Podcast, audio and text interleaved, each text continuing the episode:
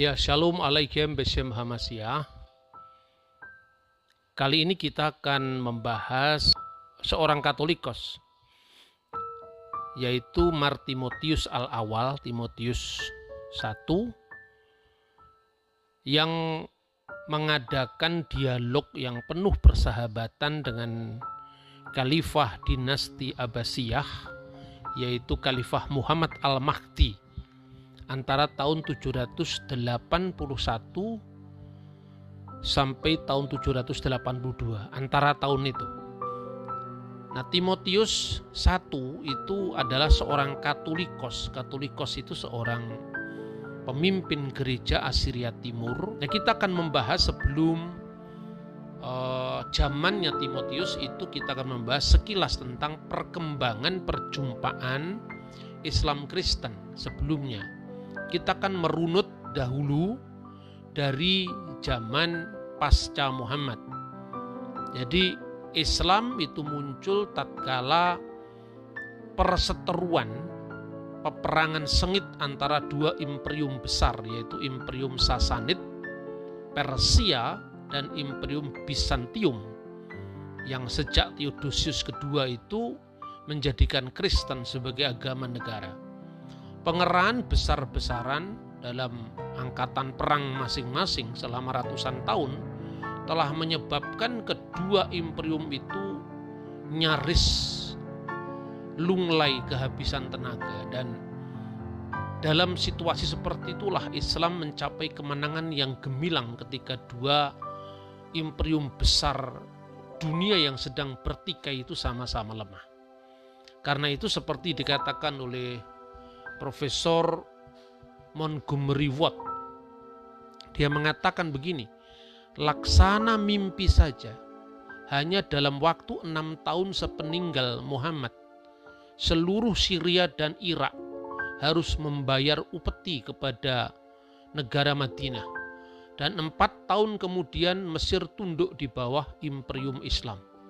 Itu terjadi tahun 640 45 Masehi pada zamannya Khalifah Umar bin Khattab. Dan kemudian 100 tahun setelah itu robohlah benteng-benteng Konstantinopel, Maroko, Spanyol hingga sampai ke Asia Tengah. Maka prestasi militer Islam yang gemilang inilah yang kemudian menyebabkan perkembangan Islam begitu cepat dan daerah-daerah yang dahulu menjadi wilayah Kristen itu semua satu demi satu Yerusalem, Syria, Mesir jatuh ke tangan Islam. Namun sekalipun Islam itu secara militer memang di atas angin, namun secara uh, ilmu pengetahuan dia masih jauh di bawah imperium Kristen yang dahulu menguasai wilayah-wilayah Islam itu. Jadi daerah-daerah taklukan itu memang memiliki reputasi intelektual yang jauh lebih maju ketimbang Islam. Nah, ketika Islam itu muncul di Mekah dan sekitarnya di Jazirah Arab, klaim-klaim Islam tentang pewahyuan Quran, kenabian Muhammad yang sudah dinubuatkan dalam Taurat dan Injil itu tentu tidak pernah dicek and recheck oleh orang Yahudi maupun orang Kristen pada zamannya. Artinya pada zaman Muhammad karena memang kekristenan yang muncul di Jazirah Arab itu memang terbesar dari mereka itu adalah sektarianisme bidat-bidat Kristen seperti misalnya aliran Maryamin, ya, uh, aliran Koliridianisme yang memperkenalkan tiga serangkai Allah, Isa, dan Maryam sehingga Al-Quran menegurnya wala takulu salasa jangan kamu menyebut Allah itu tiga dan tiga itu adalah Allah, Isa, dan Maryam. Begitu juga Eh, sekte-sekte lain seperti Basilides yang menyangkal penyalipan Yesus itu jauh lebih kuat di wilayah-wilayah Arab yang memang itu jauh dari pengaruh kedua imperium baik itu adalah Bizantium maupun Persia. Nah, ketika perjumpaan langsung dengan pusat-pusat ortodoksi Kristen seperti Alexandria, Antioquia, maka di sanalah klaim-klaim Eh, teologis Islam itu dipersoalkan oleh orang Kristen yang langsung di sana membaca kitab suci. Sementara di Mekah itu tradisi Kristen itu lebih mengacu kepada cerita-cerita rakyat, ya sair-sair jahili. Banyak di antaranya itu adalah penyair-penyair Kristen yang membaca tentang akhir zaman dan sebagainya. Itu tentu tidak mengacu langsung pada sumber tertulis begitu Islam menaklukkan Syria, menaklukkan Mesir, di situ langsung mengacu sumber tertulis.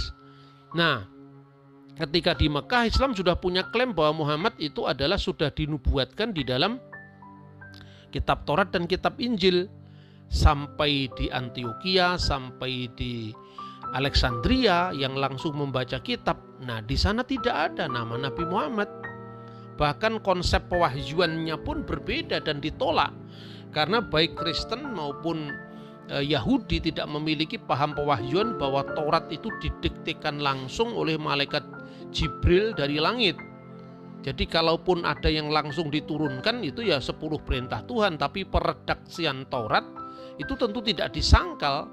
Ada tangan selain Musa yang menulis. Misalnya Yosua menurut Talmud Baba Batra itu adalah menuliskan bagian-bagian terakhir dari kitab ulangan Nah, sementara Islam sudah berpikir bahwa wahyu itu sesuatu yang turun langsung dari langit melalui malaikat Jibril sebagaimana Nabi Muhammad menerima wahyu dengan cara seperti itu. Nah, akibat klaim-klaim yang ditolak tadi, maka mulai berkembang secara perlahan tuduhan pemalsuan kitab suci yang diarahkan kepada orang Kristen, ya. Nah, makanya kemudian teks-teks Quran yang mungkin saja itu merupakan uh, bentuk tahrib maknawi. Jadi tahrib maknawi itu pemalsuan, tapi pemalsuan bukan teks, tapi pemalsuan makna. Maka kemudian berkembang menjadi tahrif lafsi, tahrif lafaz. Jadi misalnya dalam Al-Quran, afatat mauna ayu'minu lakum wa qad kana farikun minhum yasma'una kalamallahi summa yuharifunnahu min ba'di ma aqaluhu wa hum ya'lamun. Apakah kamu masih mengharapkan mereka akan percaya kepadamu? Padahal segolongan dari mereka, jadi bukan semua minhum ya. E, kalau segolongan sebagian dari mereka yasma'una kalamullah mereka itu mendengarkan firman-firman Allah summa yuharifunahu dan mereka kemudian mengubahnya. Nah, persoalannya yang diubah ini apa? Karena dalam teks ini disebut minhum yasmauna mereka mendengar. Jadi yang dirubah ini adalah pendengaran bukan yaktubuna mereka menulis dan kemudian mengubah. Maka tek-tek yang mungkin awalnya itu adalah merupakan tuduhan eh, atau bahkan mungkin kenyataan bagaimana orang Yahudi itu telah mengubah teks tidak konsisten dengan Toratnya ketika misalnya mengadili seorang yang ketangkap berbuat zina. Mestinya dirajam batu tapi cuma e, disuruh keliling sambil menorehkan e, abu di wajahnya sebagai tanda pertobatan misalnya. Itu adalah gambaran-gambaran tentang pemalsuan makna dari teks kitab Taurat kemudian secara perlahan ketika pertemuan dengan orang Kristen itu dimaknai sebagai pemalsuan tekstual. Nah Al-Quran sendiri memberikan contoh misalnya dalam surat An-Nisa ayat 46 yaitu orang-orang Yahudi mereka mengubah perkataan dari tempat-tempatnya. Mereka berkata, kami mendengar dan kami tidak mau menurut. Itu dalam teks bahasa Arabnya sami'na wa asoina. Kami mendengar dan kami tidak menggubris, tidak menurut. Mereka juga mengatakan dengarlah. Ya, wa isma, dengarlah. Sedang kamu sebenarnya tidak mendengar apa-apa. Dan mereka berkata rahina dengan memutar-mutar lidahnya dan mencela agama. Sekiranya mereka mengatakan kami mendengar dan menurut ya, sami'na wa atokna dan dengarlah atau perhatikanlah kami, unzurna, lihatlah kami, tentulah itu lebih baik bagi mereka dan lebih tepat akan tetapi Allah mengutuk mereka karena kekafiran mereka, mereka itu tidak beriman kecuali iman yang sangat tipis. Ya, ini misalnya redaksi yang Quran yang kemudian ditafsirkan sebagai pemalsuan teks kitab-kitab sebelumnya. Nah, sebenarnya kita bisa melacak sebetulnya karena keserumpunan antara bahasa Arab dengan bahasa Ibrani. Misalnya orang Yahudi berkata dalam bahasa Ibrani, Saminu we asinu, kami mendengar dan kami menurut. Nah, asinu itu dalam bentuk Arab kemudian bisa diplesetkan menjadi asoina, tidak menggubris. Nah orang Yahudi berkata rahina, kalau tekanannya itu menggunakan huruf ajin itu kemudian menjadi ra ya witikal sinu min hara dan jauhkanlah kami dari yang jahat itu padahal kalau dibaca dengan suara lembut itu artinya perhatikanlah untuk itu maka oleh Quran disuruh menggunakan uh, apa namanya ungkapan yang lebih jelas ya Eh, jangan lagi bisa dipleset-plesetkan. Seperti itu mula-mula konteksnya. Karena trik-trik verbal ejekan orang Yahudi terhadap Muhammad. Nah, seperti itu yang kemudian disajikan dalam sebuah masyarakat yang jauh lebih memiliki reputasi intelektual. Eh, jadi kekristenan itu kan sudah menerjemahkan karya-karya Yunani dan memang kekristenan itu awal dari perkembangannya memang sudah uh, akrab dengan bahasa Latin, bahasa Yunani, bahasa Aramaik ya selain bahasa Ibrani sebagai bahasa kitab Taurat. Nah, bentuk tuduhan atau tahrib pemalsuan ini paling sederhana. Mula-mula kisah ini lebih dikonsumsikan untuk uh, sebagai benteng sederhana menjadi pertahanan bagi orang muslim yang sederhana terhadap uh, kekristenan. Mengenai bagaimana misalnya dalam bentuk yang sederhana bagaimana uraian-uraian dalam kitab-kitab itu telah dipalsukan dengan cara menempel dua halaman menjadi satu jadi misalnya tuduhannya seperti itu nah lalu yang kedua tanpa adanya studi kritis dan terinci mengenai bagian mana kitab Taurat dan kitab Injil yang diubah atau dielaborasi, segera maka penafsir Quran Mujahid itu kira-kira wafat tahun 721 Masehi. Saya menggunakan ukuran Masehi karena lebih akrab. Menyimpulkan bahwa kata yuharifuna dalam Al-Quran berarti pemalsuan teks kitab-kitab sebelumnya. Itu bisa dilacak kira-kira tahun 700 Masehi ya mulai dari seorang penafsir namanya Mujahid. Lalu tuduhan itu muncul karena apa? Mula-mula didorong untuk mencari nubuat Muhammad dalam Taurat dan Injil dan itu begitu diyakininya karena Al-Qur'an sendiri memang mengatakan bahwa tugasnya Nabi Isa itu antara lain mubasyiran birrasuli ya'ti min ba'dismuhu Ahmad yaitu memberikan kabar gembira dengan seorang rasul sesudahku, sesudah Isa yang namanya adalah Ahmad. Nah, ketika itu dicari ternyata tidak ketemu. Maka kemudian mulai melancarkan tuduhan pemalsuan itu. Nah, Timotius al-awal itu meneruskan sejarah seperti itu kira-kira karena kalau dia menulis kira-kira tahun 780 berarti dia datang setelah Eh, spekulasi-spekulasi tentang Muhammad dalam Injil itu sudah dikembangkan dalam sejarah perjumpaan Islam Kristen sebelumnya. Misalnya jejak paling awal dijumpai di dalam surat Kaisar Leo kepada Khalifah Umar bin Abdul Aziz antara tahun 717 sampai 720 surat itu di mana kata parakletos ya dieja paraklit atau paraklita penolong penghibur pembela pengantara ya itu ditafsirkan Nabi Muhammad. Padahal sampai saat itu sangat jarang orang-orang Islam yang membaca langsung Taurat maupun Injil. Begitu mulai ada yang membaca uh, Injil ada yang membaca Taurat kenapa karena banyak juga orang-orang Kristen yang masuk Islam seperti misalnya Ali Rabban atau Bari kemudian Ibnu Kutaibah dan waktu dia menjadi Kristen dia sudah memiliki koleksi beberapa ayat hafalan di dalam kitab Taurat dan Injil sesuai dengan tahun liturgis. Kita jangan membayangkan bahwa pada masa dulu setiap orang itu memiliki satu jilid Alkitab di rumah tidak. Mereka membaca Alkitab lebih karena bacaan-bacaan liturgis sesuai dengan tahun gereja. Maka muncul kata leksionari itulah yang di dalam bahasa Suryani, bahasa Syriak Aramaik disebut keryana. Nah, kata keryana itu artinya leksionari, terdiri dari surta dan atta.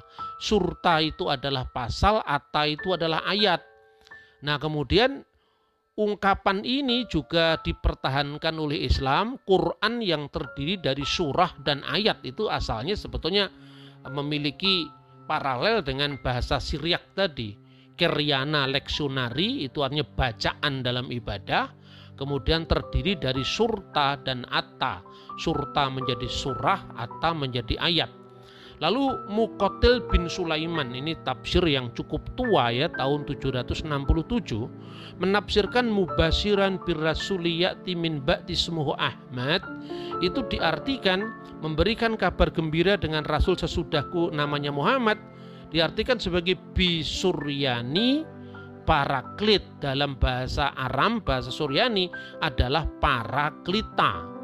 Disusul kemudian dengan Ibnu Iska. Nah, Ibnu Iska itu kira-kira tahun 768 sayangnya naskah Ibnu Iska itu hilang tetapi kutipan-kutipannya ditemukan dalam bukunya Ibnu Hisham yang berjudul eh, Sirah Nabawiyah dia sudah mengenal kutipan para kletos itu dari Yohanes 15 ayat 26 dan ditafsirkan sebagai Muhammad.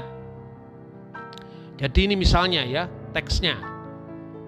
Ini teks aslinya seperti ini. Ini dalam dalam bahasa Aramaik ini tidak ada kata eh, apa namanya Muhammad tetapi para kleta ada. Misalnya di dalam eh, Yohanes pasal 15 26 Maden para kleta haudina masdar analekon min abi ruha disrara haudemin lewat abinafek hu naset alai apabila para kleta yang diutus oleh Bapa itu datang yaitu roh kebenaran yang keluar dari Bapa ia akan bersaksi tentang aku ini jelas di sini dikatakan siapa roh kebenaran itu Maden parakleta haudina masdar analekon min abi ruha desrara yaitu roh kebenaran. Haudemin lewat abinafek yang keluar dari Bapa. Jadi roh kebenaran ini bukan makhluk karena roh kudus yang keluar dari wujudnya sang Bapa tidak mungkin dia adalah ciptaan. Hunaset alai dia yang akan bersaksi tentang aku. Kemudian kita menemukan kutipannya di dalam kitab Sirah Nabawiyah. Ya. Ketika tafsir Muqatil bin Sulaiman itu menyebut paraklit, ya mungkin berasal dari informan Kristen dari Pesita mungkin membaca langsung. Namun Ibnu Hisam yang mengutip Ibnu Isya menyebut al menahema atau munahema dalam bahasa Ibrani ha menahem menahema lalu diartikan Muhammad maka apabila al-munhammana yang diutus Allah kepadamu dari sisi Tuhan, katanya dari kutipannya begitu. Dan Roh Kudus yang keluar dari sisi Tuhan, dia akan bersaksi bagiku dan bagi kamu juga di hadapan kamu dan aku agar kamu tidak meragukannya. Lalu Ibnu Hisam memberikan al-munhamina bisuryaniyah Munhammena itu di dalam bahasa Suryani artinya Muhammad. Wahua birumaniyah al-baraklitus sallallahu alaihi wa alihi wasallam. Nah, makanya ada seorang eh, orientalis namanya Alfred Jilom mengatakan bahwa kutipan-kutipan yang dilakukan oleh Ibnu Iska itu tidak didasarkan apa teks Alkitab resmi dari bahasa Suryani baik itu Pesito maupun uh, apa namanya ul Siriak atau naskah Syria kuno tetapi kemungkinan dari Keryana tadi Keryana tadi dari kutipan-kutipan leksionari di dalam bahasa Aram yang dikenal mungkin di salah satu gereja Syria. Nah seperti itu. Kenapa disebut Menahema Parakletos itu terjemahan dari bahasa Ibrani Menahem. Nah bahasa Ibrani itu memiliki definite artikel atau kata sandang itu ha, ha menahem. Ketika itu menjadi bahasa Suryani, bahasa Aramaik, kata sandang itu letaknya di belakang. Menahem, Menahemma. Misalnya, Elah artinya sembahan. Elaha artinya satu-satunya sembahan. Ya. Jadi Allah itu sembahan. Sembahan siapa saja, agama apa saja, konsep apa saja. Tapi Allah itu sembahan yang satu itu. Begitu juga uh, Yesu Mesiha. Mesiha itu asalnya dari kata uh, masih yang diurapi dan A itu dia yang diurapi seperti H Musyah atau H Mesiah menjadi Mesiha dan seterusnya. Maka H Menahem sang penghibur menjadi Menahemma dan karena miripnya kata itu dengan nama Muhammad maka kemungkinan katanya ya itulah yang diramalkan oleh Injil tentang kenabian Muhammad yaitu Menahem. Menahem itu adalah Muhammad. Jadi ini lebih didasarkan atas kemiripan bunyi dan bukan pada uh, seluruh teks sendiri konteksnya tidak mengarah ke sana. Nah, kemudian yang berikut dalam konteks dialog-dialog yang sudah sangat maju antara Islam dan Kristen, sekarang kenapa kita tidak langsung membaca pada teks aslinya? Saya memberikan contoh inilah Injil kuno yang ditulis di atas papirus yang dikenal dengan P66. Saudara bisa uh, hunting itu dan banyak sekali sekarang web resmi yang sudah uh, apa namanya mempublish temuan-temuan Injil dari abad pertama akhir ya, abad pertama Masehi itu sampai sekarang bisa di cross check misalnya yang saya garis bawahi ini ya kata paraklitos. Dari awal tidak ada kata periklitos yang artinya apa namanya Muhammad atau Ahmad ya dari akar kata terpuji itu tidak ada. Di sini jelas hurufnya alfa ya.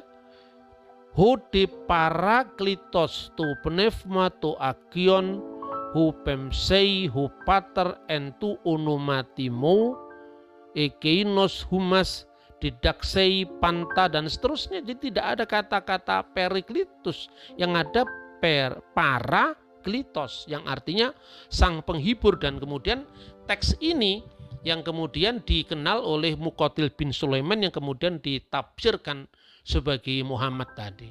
Nah, kemudian kita masuk di dalam zamannya Timotius. Jadi sebelum zaman Timotius penafsiran-penafsiran seperti itu sudah mulai lazim ya karena kebutuhan untuk menegaskan atau membuktikan bahwa Islam itu adalah merupakan kontinuitas dari Yahudi dan Kristen. Nah, Martimotius Mar itu adalah gelar seperti santo itu kalau di gereja Katolik ya. Timotius I itu Timotius al-awal ya. Timotius Katmaya dalam bahasa Aramaik. Seorang pemimpin dari gereja Syria Timur pada tahun 780 atau 781 itu berdialog dengan Khalifah Bani Abbasiyah yaitu Al-Mahdi Dialog yang penuh persahabatan selama dua hari, naskahnya ditulis dalam bahasa Syriak, lalu diterjemahkan juga di dalam bahasa Arab, namun yang bertahan hanya dalam bahasa Arab. Karena itu terma-terma teologis yang digunakan harus dilacak dari bahasa Suryani. Sebab naskah Arab yang kini beredar ya itu adalah sebuah terjemahan dari zaman sesudahnya. Nah, ini saya membaca teks ini terbitan dari uh, Darul Masrik Libanon ya, ya Beirut ini. Di ter, di apa dieditori oleh Romo Hans Putman dari dari uh, Sarikat Yesus dari Yesuit. Ini memang orang-orang Katolik yang banyak sekali menerjemahkan, mengkoleksi, mengkatalog para teolog Kristen berbahasa Arab ini. Dari diterjemahkan apa dieditori oleh Romo Katolik tadi dari Darul Masrik Beirut itu Judulnya adalah Al-Batrik Timotius Al-Awal Al-Kanisah wal Islam uh, hubungan Islam dan Kristen fi usur Abbasi Al-Awal pada masa uh, kekhalifan Abbasiyah awal. Itu itu teks yang saya jadikan rujukan. Kemudian juga teks itu dalam dalam salinan yang tidak terlalu lengkap itu pernah diterjemahkan di Austria dan saya juga punya teksnya. Nah, sekalipun Timotius itu menolak kenabian Muhammad, ini menarik. Jadi kalau John Damaskus yang pernah kita pelajari itu frontal terhadap Islam. Jadi bahkan sampai mengatakan Muhammad itu adalah pendahulu kepada Dajjal, nabi palsu yang diajar oleh Arius misalnya itu itu keras sekali karena biasanya teolog-teolog dari gereja Yunani itu bersikap sangat konfrontatif dengan Islam. Karena apa? Tidak hanya soal agama Eh, teologi, tapi juga soal politik karena apa wilayah-wilayah yang dulu itu dikuasai oleh gereja Bizantium, artinya gereja yang sangat dekat dengan kekaisaran, kemudian tiba-tiba jatuh di tangan Islam. Nah, sementara gereja-gereja yang bukan gereja Yunani, misalnya Assyria Timur, itu kan nasibnya sama-sama apa ya kadang-kadang kurang beruntung karena mereka juga ditindas oleh gereja resmi tadi termasuk gereja Koptik, gereja Syria itu kan dulu pernah mengalami penganiayaan ya, dengan sesama Kristen sehingga mula-mula dia menyambut Islam sebagai pembebas. Sekalipun akhirnya juga Islam menindas mereka juga ketika dalam masa-masa tertentu misalnya zamannya Khalifah Al-Hakim dari dinasti Fatimiyah di Yerusalem sampai gereja kubur suci itu diratakan, dihancurkan dan dan masih banyak kasus seperti itu. Kemudian eh, bagaimana pandangannya dia tentang Muhammad? Seperti tadi kita menyebut bahwa konsep pewahyuan antara Islam dan Kristen tidak rujuk, tidak cocok. Jadi misalnya bukan hanya konsep pewahyuan, konsep kenabian juga kadang-kadang tidak sesuai. Misalnya semua tokoh dalam Alkitab disebut nabi mulai dari Adam, kemudian Idris, Nuh itu semua disebut nabi. Padahal lembaga kenabian itu tidak muncul tentu pada zaman Abraham atau belum uh, apa pada zaman uh, apa namanya Nuh atau pada zaman sebelumnya memang Abraham pernah disebut satu kali menjadi nabi. Tetapi tidak pernah uh, apa atribut kenabian itu melekat pada sosok Abraham baik dalam tradisi Yahudi maupun tradisi Kristen. Karena dalam tradisi Yahudi dan Kristen Abraham lebih disebut patriark yaitu bapak bangsa yang kemudian lembaga kenabian itu muncul setelah dia. Kalau dia sebut nabi itu artinya pelihat, dia bisa melihat masa depan. Tapi lembaga kenabian belum muncul pada zaman itu. Maka kalau di dalam Yudaisme itu ada Nevim Risunim nabi-nabi awal, Nevim Akharonim nabi-nabi akhir begitu.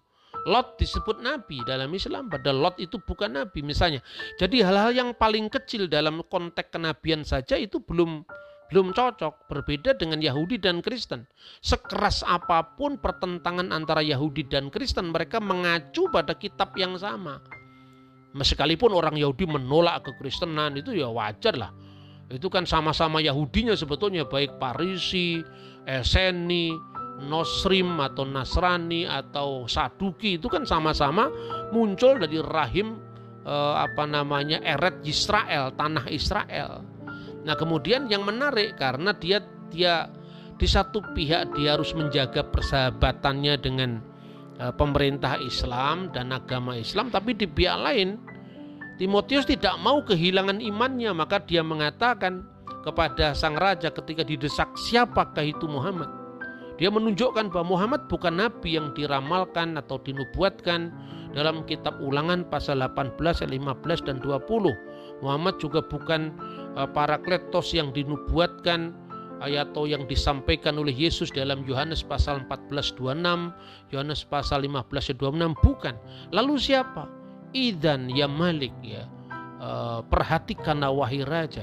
Anna Muhammadan qad salaka fit tariqil anbiya. Sesungguhnya Muhammad telah berjalan di jalan para nabi katanya. Tetapi bukan nabi seperti nabi dalam Alkitab tapi dia berjalan di para nabi karena apa? Katanya dia mengajarkan keesaan Allah dia mengajarkan menjauhi penyembahan berhala. Ini pendekatannya Timotius Nah, pendekatan Timotius tentu berbeda dengan misalnya pendekatan uh, Yohanes Damaskus dan satu lagi pendekatan dari uh, Abdul Masih Al-Kindi yang kemarin kita pelajari yang juga konfrontatif dengan Islam sampai dia tidak menyebut nama aslinya cuman hanya nama samarannya saja.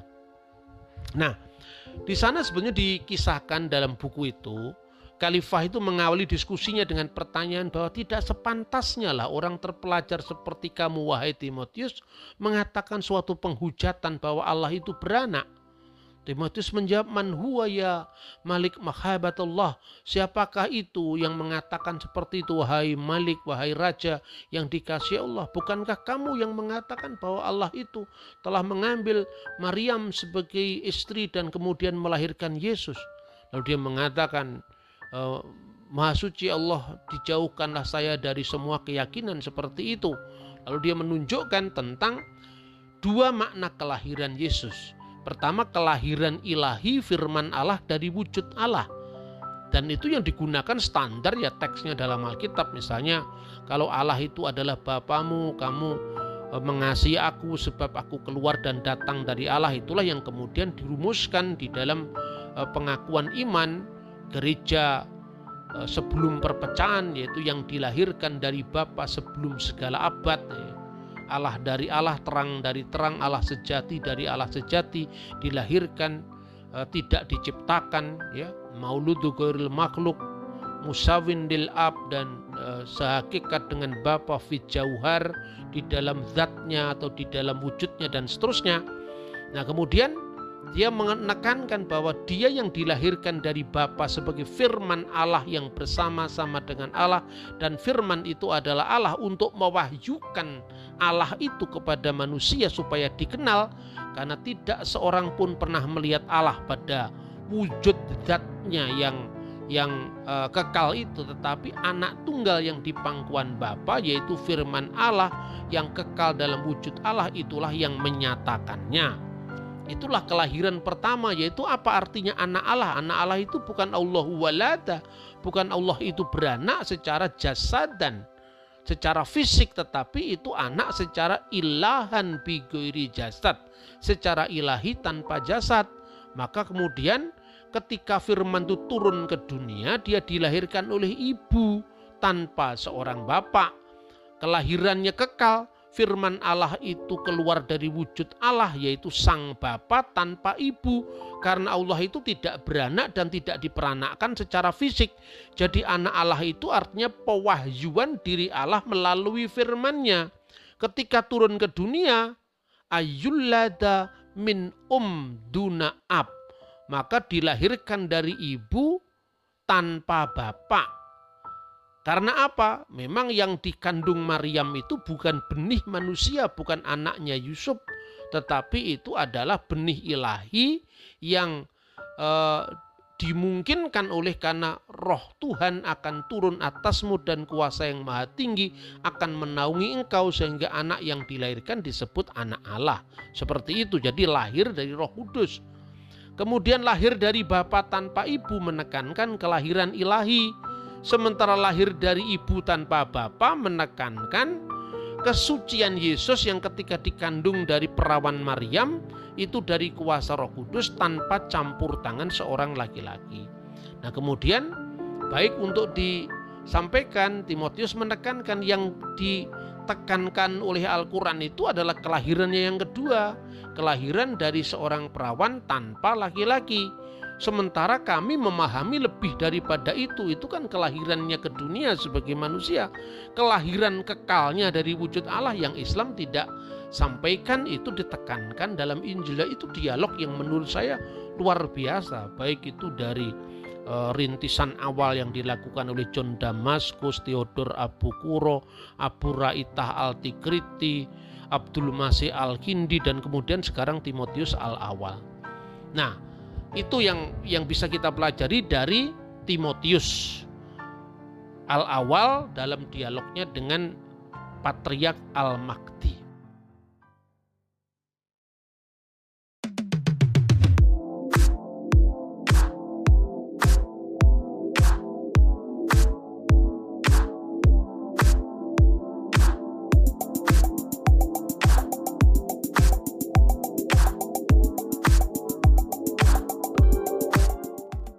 Ya, Shalom Alaikum. Kali ini kita akan membahas seorang Katolikos, yaitu Martimotius Al-Awal, Timotius 1, yang mengadakan dialog yang penuh persahabatan dengan Khalifah dinasti Abbasiyah yaitu Khalifah Muhammad Al-Mahdi antara tahun 781 sampai tahun 782 antara tahun itu. Nah, Timotius I itu adalah seorang Katolikos. Katolikos itu seorang pemimpin gereja Assyria Timur. Nah, kita akan membahas sebelum uh, zamannya Timotius itu kita akan membahas sekilas tentang perkembangan perjumpaan Islam Kristen sebelumnya. Kita akan merunut dahulu dari zaman pasca Muhammad. Jadi Islam itu muncul tatkala perseteruan peperangan sengit antara dua imperium besar yaitu Imperium Sasanid Persia dan Imperium Bizantium yang sejak Theodosius kedua itu menjadikan Kristen sebagai agama negara. Pengerahan besar-besaran dalam angkatan perang masing-masing selama ratusan tahun telah menyebabkan kedua imperium itu nyaris lunglai kehabisan tenaga dan dalam situasi seperti itulah Islam mencapai kemenangan yang gemilang ketika dua imperium besar dunia yang sedang bertikai itu sama-sama lemah. Karena itu seperti dikatakan oleh Profesor Montgomery Watt. Dia mengatakan begini, laksana mimpi saja hanya dalam waktu enam tahun sepeninggal Muhammad seluruh Syria dan Irak harus membayar upeti kepada negara Madinah. Dan empat tahun kemudian Mesir tunduk di bawah Imperium Islam. Itu terjadi tahun 645 Masehi pada zamannya Khalifah Umar bin Khattab. Dan kemudian 100 tahun setelah itu robohlah benteng-benteng Konstantinopel, Maroko, Spanyol hingga sampai ke Asia Tengah. Maka prestasi militer Islam yang gemilang inilah yang kemudian menyebabkan perkembangan Islam begitu cepat dan daerah-daerah yang dahulu menjadi wilayah Kristen itu semua satu demi satu Yerusalem, Syria, Mesir jatuh ke tangan Islam. Namun sekalipun Islam itu secara militer memang di atas angin, namun secara uh, ilmu pengetahuan dia masih jauh di bawah imperium Kristen yang dahulu menguasai wilayah-wilayah Islam itu. Jadi daerah-daerah taklukan itu memang memiliki reputasi intelektual yang jauh lebih maju ketimbang Islam. Nah, ketika Islam itu muncul di Mekah dan sekitarnya di Jazirah Arab, klaim-klaim Islam tentang pewahyuan Quran, kenabian Muhammad yang sudah dinubuatkan dalam Taurat dan Injil itu tentu tidak pernah dicek and recheck oleh orang Yahudi maupun orang Kristen pada zamannya. Artinya pada zaman Muhammad karena memang kekristenan yang muncul di Jazirah Arab itu memang terbesar dari mereka itu adalah sektarianisme bidat-bidat Kristen seperti misalnya aliran Maryamin, ya, uh, aliran Koliridianisme yang memperkenalkan tiga serangkai Allah, Isa, dan Maryam sehingga Al-Quran menegurnya wala takulu salasa jangan kamu menyebut Allah itu tiga dan tiga itu adalah Allah, Isa, dan Maryam. Begitu juga Eh, sekte-sekte lain seperti Basilides yang menyangkal penyalipan Yesus itu jauh lebih kuat di wilayah-wilayah Arab yang memang itu jauh dari pengaruh kedua imperium baik itu adalah Bizantium maupun Persia. Nah, ketika perjumpaan langsung dengan pusat-pusat ortodoksi Kristen seperti Alexandria, Antioquia, maka di sanalah klaim-klaim Eh, teologis Islam itu dipersoalkan oleh orang Kristen yang langsung di sana membaca kitab suci. Sementara di Mekah itu tradisi Kristen itu lebih mengacu kepada cerita-cerita rakyat, ya sair-sair jahili. Banyak di antaranya itu adalah penyair-penyair Kristen yang membaca tentang akhir zaman dan sebagainya. Itu tentu tidak mengacu langsung pada sumber tertulis begitu Islam menaklukkan Syria, menaklukkan Mesir, di situ langsung mengacu sumber tertulis. Nah, ketika di Mekah Islam sudah punya klaim bahwa Muhammad itu adalah sudah dinubuatkan di dalam kitab Taurat dan kitab Injil sampai di Antioquia, sampai di Alexandria yang langsung membaca kitab. Nah, di sana tidak ada nama Nabi Muhammad. Bahkan konsep pewahyuannya pun berbeda dan ditolak karena baik Kristen maupun eh, Yahudi tidak memiliki paham pewahyuan bahwa Taurat itu didiktekan langsung oleh malaikat Jibril dari langit. Jadi kalaupun ada yang langsung diturunkan itu ya 10 perintah Tuhan. Tapi peredaksian Taurat itu tentu tidak disangkal. Ada tangan selain Musa yang menulis. Misalnya Yosua menurut Talmud Baba Batra itu adalah menuliskan bagian-bagian terakhir dari kitab ulangan Nah, sementara Islam sudah berpikir bahwa wahyu itu sesuatu yang turun langsung dari langit melalui malaikat Jibril sebagaimana Nabi Muhammad menerima wahyu dengan cara seperti itu. Nah, akibat klaim-klaim yang ditolak tadi, maka mulai berkembang secara perlahan tuduhan pemalsuan kitab suci yang diarahkan kepada orang Kristen, ya. Nah, makanya kemudian teks-teks Quran yang mungkin saja itu merupakan uh, bentuk tahrib maknawi. Jadi tahrib maknawi itu pemalsuan, tapi pemalsuan bukan teks, tapi pemalsuan makna. Maka kemudian berkembang menjadi tahrif lafzi, tahrif lafaz. Jadi misalnya dalam Al-Quran, afatat mauna ayu'minu lakum wa kana fariqun minhum yasma'una kalamallahi summa yuharifunnahu min ba'di ma aqaluhu wa hum ya'lamun. Apakah kamu masih mengharapkan mereka akan percaya kepadamu? Padahal segolongan dari mereka, jadi bukan semua minhum ya. E, kalau segolongan sebagian dari mereka yasma'una kalamullah mereka itu mendengarkan firman-firman Allah summa yuharifunahu dan mereka kemudian mengubahnya. Nah, persoalannya yang diubah ini apa? Karena dalam teks ini disebut minhum yasmauna mereka mendengar. Jadi yang dirubah ini adalah pendengaran bukan yaktubuna mereka menulis dan kemudian mengubah. Maka tek-tek yang mungkin awalnya itu adalah merupakan tuduhan eh, atau bahkan mungkin kenyataan bagaimana orang Yahudi itu telah mengubah teks tidak konsisten dengan Tauratnya ketika misalnya mengadili seorang yang ketangkap berbuat zina. Mestinya dirajam batu tapi cuma e, disuruh keliling sambil menorehkan e, abu di wajahnya sebagai tanda pertobatan misalnya. Itu adalah gambaran-gambaran tentang pemalsuan makna dari teks kitab Taurat kemudian secara perlahan ketika pertemuan dengan orang Kristen itu dimaknai sebagai pemalsuan tekstual. Nah Al-Quran sendiri memberikan contoh misalnya dalam surat An-Nisa ayat 46 yaitu orang-orang Yahudi mereka mengubah perkataan dari tempat-tempatnya. Mereka berkata, kami mendengar dan kami tidak mau menurut. Itu dalam teks bahasa Arabnya Eh, sami'na wa asoina.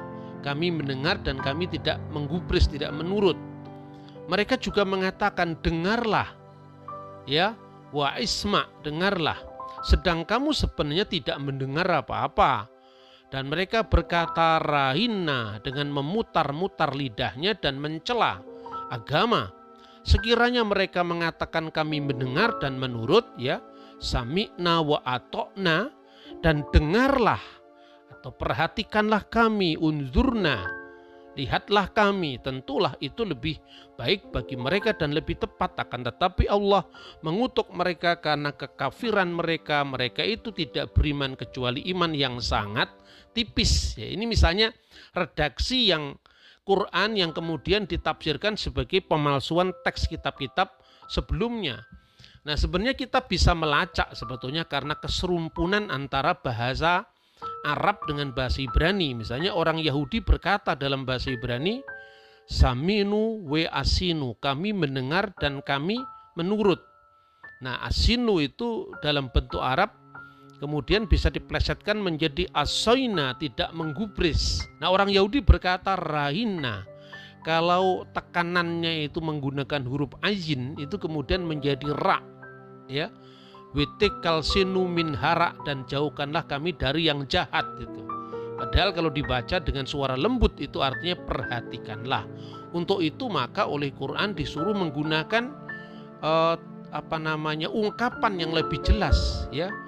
Uh, jangan lagi bisa dipleset-plesetkan. Seperti itu mula-mula konteksnya. Karena trik-trik verbal ejekan orang Yahudi terhadap Muhammad. Nah, seperti itu yang kemudian disajikan dalam sebuah masyarakat yang jauh lebih memiliki reputasi intelektual. Eh, jadi kekristenan itu kan sudah menerjemahkan karya-karya Yunani dan memang kekristenan itu awal dari perkembangannya memang sudah eh, akrab dengan bahasa Latin, bahasa Yunani, bahasa Aramaik ya selain bahasa Ibrani sebagai bahasa kitab Taurat. Nah, bentuk tuduhan atau tahrib pemalsuan ini paling sederhana. Mula-mula kisah ini lebih dikonsumsikan untuk uh, sebagai benteng sederhana menjadi pertahanan bagi orang muslim yang sederhana terhadap uh, kekristenan. Mengenai bagaimana misalnya dalam bentuk yang sederhana bagaimana uraian-uraian dalam kitab-kitab itu telah dipalsukan dengan cara menempel dua halaman menjadi satu jadi misalnya tuduhannya seperti itu Nah, lalu yang kedua, tanpa adanya studi kritis dan terinci mengenai bagian mana kitab Taurat dan kitab Injil yang diubah atau dielaborasi, segera maka penafsir Quran Mujahid itu kira-kira wafat tahun 721 Masehi. Saya menggunakan ukuran Masehi karena lebih akrab. Menyimpulkan bahwa kata yuharifuna dalam Al-Quran berarti pemalsuan teks kitab-kitab sebelumnya itu bisa dilacak kira-kira tahun 700 Masehi ya mulai dari seorang penafsir namanya Mujahid. Lalu tuduhan itu muncul karena apa? Mula-mula didorong untuk mencari nubuat Muhammad dalam Taurat dan Injil dan itu begitu diyakininya karena Al-Qur'an sendiri memang mengatakan bahwa tugasnya Nabi Isa itu antara lain mubasyiran birrasuli ya'ti min ba'dismuhu Ahmad yaitu memberikan kabar gembira dengan seorang rasul sesudahku, sesudah Isa yang namanya adalah Ahmad. Nah, ketika itu dicari ternyata tidak ketemu. Maka kemudian mulai melancarkan tuduhan pemalsuan itu. Nah, Timotius al-awal itu meneruskan sejarah seperti itu kira-kira karena kalau dia menulis kira-kira tahun 780 berarti dia datang setelah Eh, spekulasi-spekulasi tentang Muhammad dalam Injil itu sudah dikembangkan dalam sejarah perjumpaan Islam Kristen sebelumnya. Misalnya jejak paling awal dijumpai di dalam surat Kaisar Leo kepada Khalifah Umar bin Abdul Aziz antara tahun 717 sampai 720 surat itu di mana kata parakletos ya dieja paraklit atau paraklita penolong penghibur pembela pengantara ya itu ditafsirkan Nabi Muhammad. Padahal sampai saat itu sangat jarang orang-orang Islam yang membaca langsung Taurat maupun Injil. Begitu mulai ada yang membaca uh, Injil ada yang membaca Taurat kenapa karena banyak juga orang-orang Kristen yang masuk Islam seperti misalnya Ali Rabban atau Bari kemudian Ibnu Kutaibah dan waktu dia menjadi Kristen dia sudah memiliki koleksi beberapa ayat hafalan di dalam kitab Taurat dan Injil sesuai dengan tahun liturgis. Kita jangan membayangkan bahwa pada masa dulu setiap orang itu memiliki satu jilid Alkitab di rumah tidak. Mereka membaca Alkitab lebih karena bacaan-bacaan liturgis sesuai dengan tahun gereja. Maka muncul kata leksionari itulah yang di dalam bahasa Suryani, bahasa Syriak Aramaik disebut keryana. Nah, kata keryana itu artinya leksionari, terdiri dari surta dan atta. Surta itu adalah pasal, atta itu adalah ayat. Nah kemudian ungkapan ini juga dipertahankan oleh Islam. Quran yang terdiri dari surah dan ayat itu asalnya sebetulnya memiliki paralel dengan bahasa Syriak tadi. Keryana leksionari itu artinya bacaan dalam ibadah. Kemudian terdiri dari surta dan atta. Surta menjadi surah, atta menjadi ayat. Lalu Mukotil bin Sulaiman ini tafsir yang cukup tua ya tahun 767 menafsirkan mubasiran birrasuliyati min ba'di Ahmad. Itu diartikan memberikan kabar gembira dengan rasul sesudahku namanya Muhammad. Diartikan sebagai bisuryani paraklit dalam bahasa Aram bahasa Suryani adalah paraklita. Disusul kemudian dengan Ibnu Iska. Nah, Ibnu Iska itu kira-kira tahun 768 sayangnya naskah Ibnu Iska itu hilang tetapi kutipan-kutipannya ditemukan dalam bukunya Ibnu Hisham yang berjudul eh, Sirah Nabawiyah. Dia sudah mengenal kutipan para kletos itu dari Yohanes 15 ayat 26 dan ditafsirkan sebagai Muhammad. Jadi ini misalnya ya teksnya ini teks aslinya seperti ini. Ini dalam dalam bahasa Aramaik ini tidak ada kata eh, apa namanya Muhammad, tetapi para kleta ada. Misalnya di dalam eh, Yohanes eh, pasal 15 26.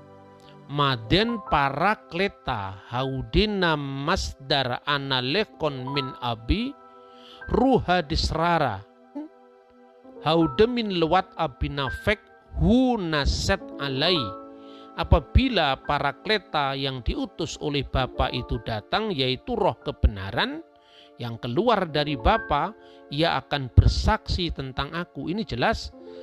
Di sini dikatakan siapa roh kebenaran itu? Maden para kleta haudina masdar analekon min abi ruha desrara yaitu roh kebenaran.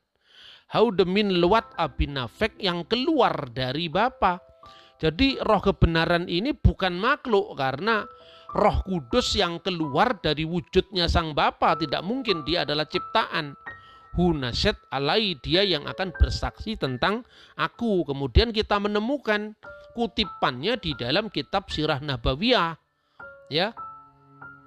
Ketika tafsir Muqatil bin Sulaiman itu menyebut paraklit, ya mungkin berasal dari informan Kristen dari Pesita mungkin membaca langsung. Namun Ibnu Hisam yang mengutip Ibnu Ishaq menyebut al-minahemma atau munahemma dalam bahasa Ibrani ha-minahem minahemma lalu diartikan Muhammad. Maka apabila al-munhammana yang diutus Allah kepadamu dari sisi Tuhan, katanya dari kutipannya begitu. Dan Roh Kudus yang keluar dari sisi Tuhan, dia akan bersaksi bagiku dan bagi kamu juga di hadapan kamu dan aku agar kamu tidak meragukannya. Lalu Ibnu Hisam memberikan al-munhamina bisuryaniyah. Munhamina itu di dalam bahasa Suryani artinya Muhammad. Wahuwa birumaniyah al-baraklitus sallallahu alaihi wa alihi wasallam.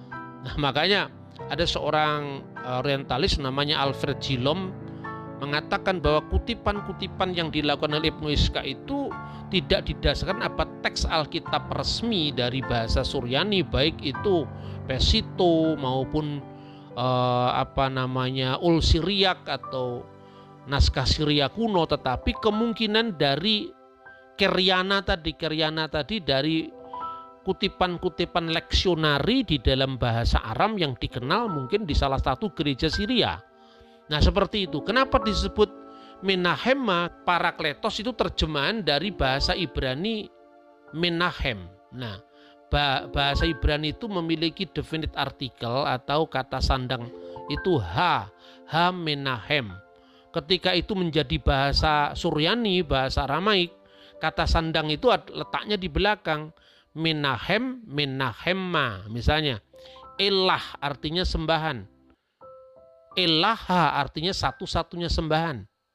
Ya. Jadi Allah itu sembahan. Sembahan siapa saja, agama apa saja, konsep apa saja. Tapi Allah itu sembahan yang satu itu. Begitu juga uh, Yesu Mesiha. Mesiha itu asalnya dari kata uh, masih yang diurapi dan A itu dia yang diurapi seperti H Musyah atau H Mesiah menjadi Mesiha dan seterusnya. Maka H Menahem sang penghibur menjadi Menahema. Dan karena miripnya kata itu dengan nama Muhammad maka kemungkinan katanya ya itulah yang diramalkan oleh Injil tentang kenabian Muhammad yaitu Menahem. Menahem itu adalah Muhammad. Jadi ini lebih didasarkan atas kemiripan bunyi dan bukan pada uh, seluruh teks sendiri konteksnya tidak mengarah ke sana. Nah, kemudian yang berikut dalam konteks dialog-dialog yang sudah sangat maju antara Islam dan Kristen, sekarang kenapa kita tidak langsung membaca pada teks aslinya? Saya memberikan contoh inilah Injil kuno yang ditulis di atas papirus yang dikenal dengan P66. Saudara bisa uh, hunting itu dan banyak sekali sekarang web resmi yang sudah uh, apa namanya mempublish temuan-temuan Injil dari abad pertama akhir ya, abad pertama Masehi itu sampai sekarang bisa di cross check misalnya yang saya garis bawahi ini ya kata paraklitos dari awal tidak ada kata periklitos yang artinya apa namanya Muhammad atau Ahmad ya dari akar kata terpuji itu tidak ada. Di sini jelas hurufnya alfa ya. Hode paraklitos tu pneuma tu akion hu pemsei hu pater entu onomatimo ekeinos humas didaksei panta dan seterusnya. Jadi tidak ada kata-kata periklitus yang ada per para klitos yang artinya sang penghibur dan kemudian teks ini yang kemudian dikenal oleh Mukotil bin Sulaiman yang kemudian ditafsirkan sebagai Muhammad tadi. Nah, kemudian kita masuk di dalam zamannya Timotius. Jadi sebelum zaman Timotius penafsiran-penafsiran seperti itu sudah mulai lazim ya karena kebutuhan untuk menegaskan atau membuktikan bahwa Islam itu adalah merupakan kontinuitas dari Yahudi dan Kristen. Nah, Martimotius Mar itu adalah gelar seperti santo itu kalau di gereja Katolik ya. Timotius I itu Timotius al-awal ya. Timotius Katmaya dalam bahasa Aramaik. Seorang pemimpin dari gereja Syria Timur pada tahun 780 atau 781 itu berdialog dengan Khalifah Bani Abbasiyah yaitu Al-Mahdi Dialog yang penuh persahabatan selama dua hari, naskahnya ditulis dalam bahasa Syriak, lalu diterjemahkan juga di dalam bahasa Arab, namun yang bertahan hanya dalam bahasa Arab. Karena itu terma-terma teologis yang digunakan harus dilacak dari bahasa Suryani. Sebab naskah Arab yang kini beredar ya itu adalah sebuah terjemahan dari zaman sesudahnya. Nah, ini saya membaca teks ini terbitan dari uh, Darul Masrik Libanon ya, ya Beirut ini di ter, di apa dieditori oleh Romo Hans Putman dari dari uh, Sarikat Yesus dari Yesuit. Ini memang orang-orang Katolik yang banyak sekali menerjemahkan, mengkoleksi, mengkatalog para teolog Kristen berbahasa Arab ini. Dari diterjemahkan apa dieditori oleh Romo Katolik tadi dari Darul Masrik Beirut itu Judulnya adalah Al-Batrik Timotius Al-Awal Al-Kanisah wal Islam uh, hubungan Islam dan Kristen fi Abbasi Al-Awal pada masa uh, kekhalifan Abbasiyah awal. Itu itu teks yang saya jadikan rujukan. Kemudian juga teks itu dalam dalam salinan yang tidak terlalu lengkap itu pernah diterjemahkan di Austria dan saya juga punya teksnya. Nah, sekalipun Timotius itu menolak kenabian Muhammad, ini menarik. Jadi kalau John Damaskus yang pernah kita pelajari itu frontal terhadap Islam. Jadi bahkan sampai mengatakan Muhammad itu adalah pendahulu kepada Dajjal, nabi palsu yang diajar oleh Arius misalnya itu itu keras sekali karena biasanya teolog-teolog dari gereja Yunani itu bersikap sangat konfrontatif dengan Islam. Karena apa? Tidak hanya soal agama Eh, teologi, tapi juga soal politik karena apa wilayah-wilayah yang dulu itu dikuasai oleh gereja Bizantium, artinya gereja yang sangat dekat dengan kekaisaran, kemudian tiba-tiba jatuh di tangan Islam. Nah, sementara gereja-gereja yang bukan gereja Yunani, misalnya Assyria Timur, itu kan nasibnya sama-sama apa ya kadang-kadang kurang beruntung karena mereka juga ditindas oleh gereja resmi tadi termasuk gereja Koptik, gereja Syria itu kan dulu pernah mengalami penganiayaan ya, dengan sesama Kristen sehingga mula-mula dia menyambut Islam sebagai pembebas. Sekalipun akhirnya juga Islam menindas mereka juga ketika dalam masa-masa tertentu misalnya zamannya Khalifah Al-Hakim dari dinasti Fatimiyah di Yerusalem sampai gereja kubur suci itu diratakan, dihancurkan dan dan masih banyak kasus seperti itu. Kemudian eh, bagaimana pandangannya dia tentang Muhammad? Seperti tadi kita menyebut bahwa konsep pewahyuan antara Islam dan Kristen tidak rujuk, tidak cocok. Jadi misalnya bukan hanya konsep pewahyuan, konsep kenabian juga kadang-kadang tidak sesuai. Misalnya semua tokoh dalam Alkitab disebut nabi, mulai dari Adam, kemudian Idris, Nuh itu semua disebut nabi. Padahal lembaga kenabian itu tidak muncul tentu pada zaman Abraham atau itu belum uh, apa pada zaman uh, apa namanya Nuh atau pada zaman sebelumnya memang Abraham pernah disebut satu kali menjadi nabi tetapi tidak pernah uh, apa atribut kenabian itu melekat pada sosok Abraham baik dalam tradisi Yahudi maupun tradisi Kristen karena dalam tradisi Yahudi dan Kristen Abraham lebih disebut patriark yaitu bapak bangsa yang kemudian lembaga kenabian itu muncul setelah dia. Kalau dia sebut nabi itu artinya pelihat, dia bisa melihat masa depan. Tapi lembaga kenabian belum muncul pada zaman itu. Maka kalau di dalam Yudaisme itu ada Nevim Risunim nabi-nabi awal, Nevim Akharonim nabi-nabi akhir begitu. Lot disebut nabi dalam Islam, padahal Lot itu bukan nabi misalnya. Jadi hal-hal yang paling kecil dalam konteks kenabian saja itu belum belum cocok, berbeda dengan Yahudi dan Kristen. Sekeras apa pun pertentangan antara Yahudi dan Kristen, mereka mengacu pada kitab yang sama. Sekalipun orang Yahudi menolak kekristenan itu ya wajar lah. Itu kan sama-sama Yahudinya sebetulnya baik Parisi, Eseni, Nosrim atau Nasrani atau Saduki itu kan sama-sama muncul dari rahim eh, apa namanya Eret Israel, tanah Israel. Nah, kemudian yang menarik karena dia dia di satu pihak dia harus menjaga persahabatannya dengan uh, pemerintah Islam dan agama Islam, tapi di pihak lain Timotius tidak mau kehilangan imannya, maka dia mengatakan kepada sang raja ketika didesak, "Siapakah itu Muhammad?" Dia menunjukkan bahwa Muhammad bukan nabi yang diramalkan atau dinubuatkan dalam kitab Ulangan pasal 18, 15 dan 20. Muhammad juga bukan Eh, para kletos yang dinubuatkan atau yang disampaikan oleh Yesus dalam Yohanes pasal 14 26, Yohanes pasal 15 26 bukan. Lalu siapa? Idan ya Malik ya. Uh, perhatikan wahai raja anna Muhammadan qad salaka fit tariqil anbiya sesungguhnya Muhammad telah berjalan di jalan para nabi katanya tetapi bukan nabi seperti nabi dalam Alkitab, tapi dia berjalan di para nabi karena apa? Katanya dia mengajarkan keesaan Allah, dia mengajarkan menjauhi penyembahan berhala. Ini pendekatannya Timotius. Nah, pendekatan Timotius tentu berbeda dengan misalnya pendekatan uh, Yohanes Damaskus dan satu lagi pendekatan dari uh, Abdul Masih Al-Kindi yang kemarin kita pelajari yang juga konfrontatif dengan Islam sampai dia tidak menyebut nama aslinya cuman hanya nama samarannya saja.